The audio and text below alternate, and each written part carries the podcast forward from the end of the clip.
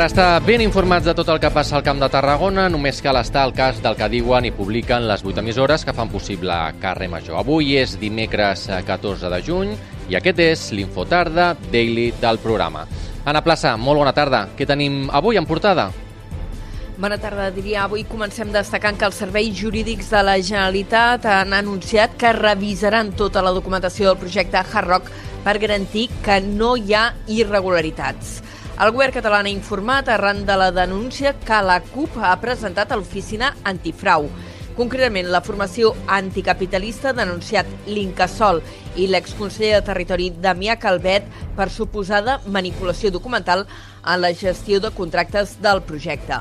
Els copaires han presentat la denúncia aquest mateix matí després que el mitjà La Directa hagi publicat un document capdalt per donar als promotors del projecte la llicència de casino incorporava informació falsa. A més, la CUP també ha entrat al registre del Parlament una sol·licitud perquè revoqui la llicència de casino. La plataforma Aturem Hard Rock ho ha valorat tot plegat.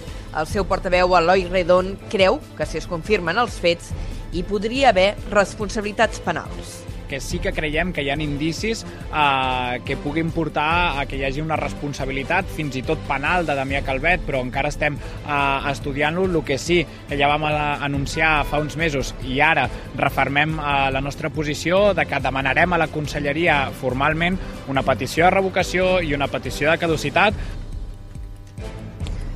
són les paraules d'Eloi Redon, que també ha acusat l'exconseller Damià Calvet de manipular el contracte agafant una clàusula i revertint-la posant el contrari per signar el contracte amb Hard. I d'altra banda, Protecció Civil es reuneix amb el sector turístic de Tarragona per marcar les línies d'actuació en cas de risc químic.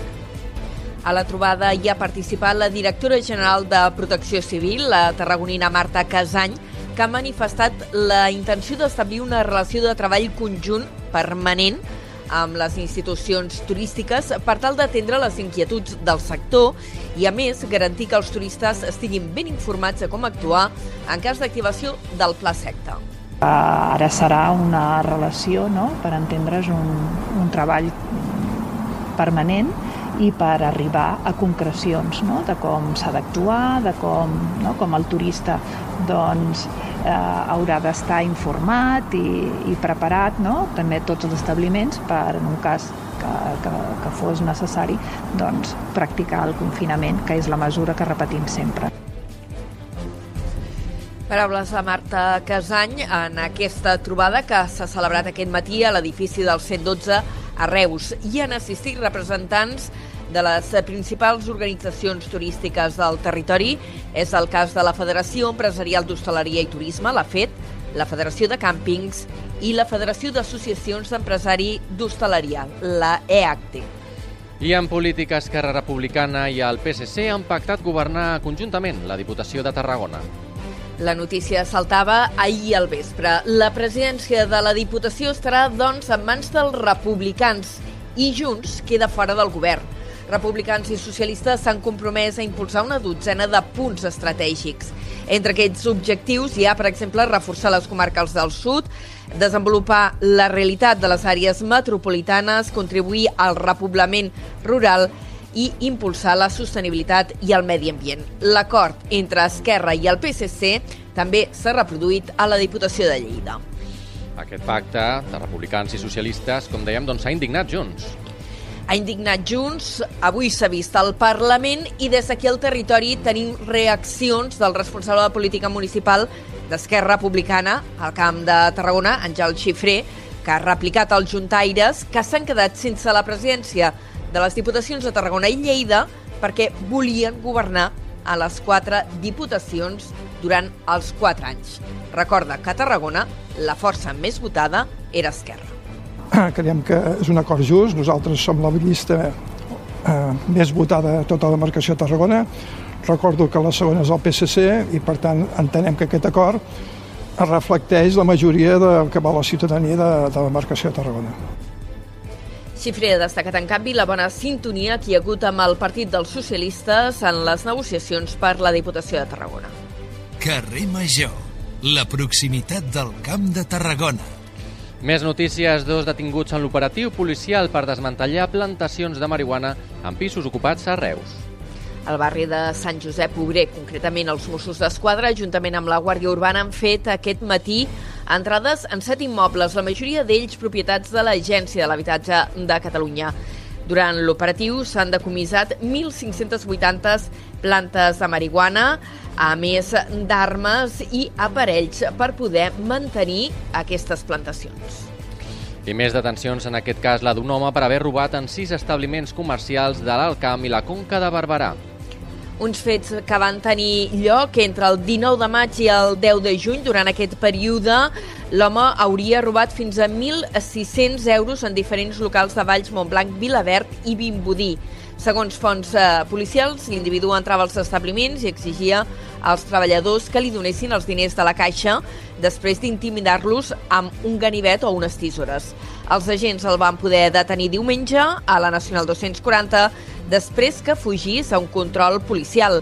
El detingut ja ha passat a disposició judicial i s'ha decretat el seu ingrés a presó. La Fundació Villablanca ha posat en marxa un servei pioner a Tarragona destinat a l'atenció a la salut sexual de les persones amb discapacitat intel·lectual. Això vol dir que aquest centre oferirà tallers d'educació sexual adaptats a les necessitats i també espais de reflexió i formació específica sobre salut per a famílies de persones que tenen eh, que atenen a persones amb discapacitat eh, intel·lectual. Aquests eh, tallers també estan pensats eh, per a professionals i entitats que hi treballen. D'altra banda, es farà eh, orientació per a casos individuals o de parella amb dificultats eh, relacionades amb la salut sexual. Carrer Major és proximitat. Molt bé, doncs, a dir tot això, coneguem ara quin temps ens espera de cara a les properes hores. Connectem amb el Servei Meteorològic de Catalunya. Lluís Mi Pérez, molt bona tarda. Un temps dinàmic encara, però ja no tindrem les tempestes que van descarregar ahir en algunes comarques del país. Al llarg d'aquest matí està plovent cap a l'Alt Pirineu, també a les comarques de Girona.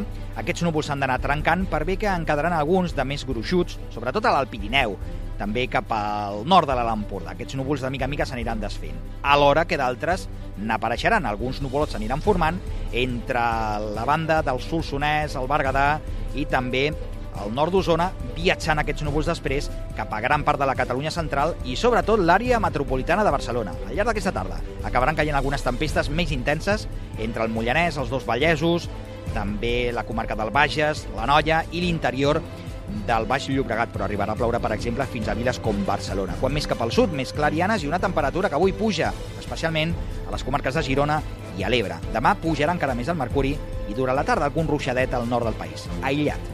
Ho seguirem a la xarxa. Gràcies a Lluís Mi Pérez. A nosaltres ho deixem aquí. Ana Plaça, gràcies també per aquesta pinzellada informativa amb el més destacat aquí a la jornada del Camp de Tarragona. Adéu-siau. Tots vosaltres ja sabeu que podeu recuperar l'Infotarda Daily d'aquest dimecres 14 de juny mitjançant les xarxes socials de les 8 emissores que cada tarda passegen juntes pel carrer Major. Gràcies per seguir-nos. Carrer Major, a la teva ràdio de proximitat.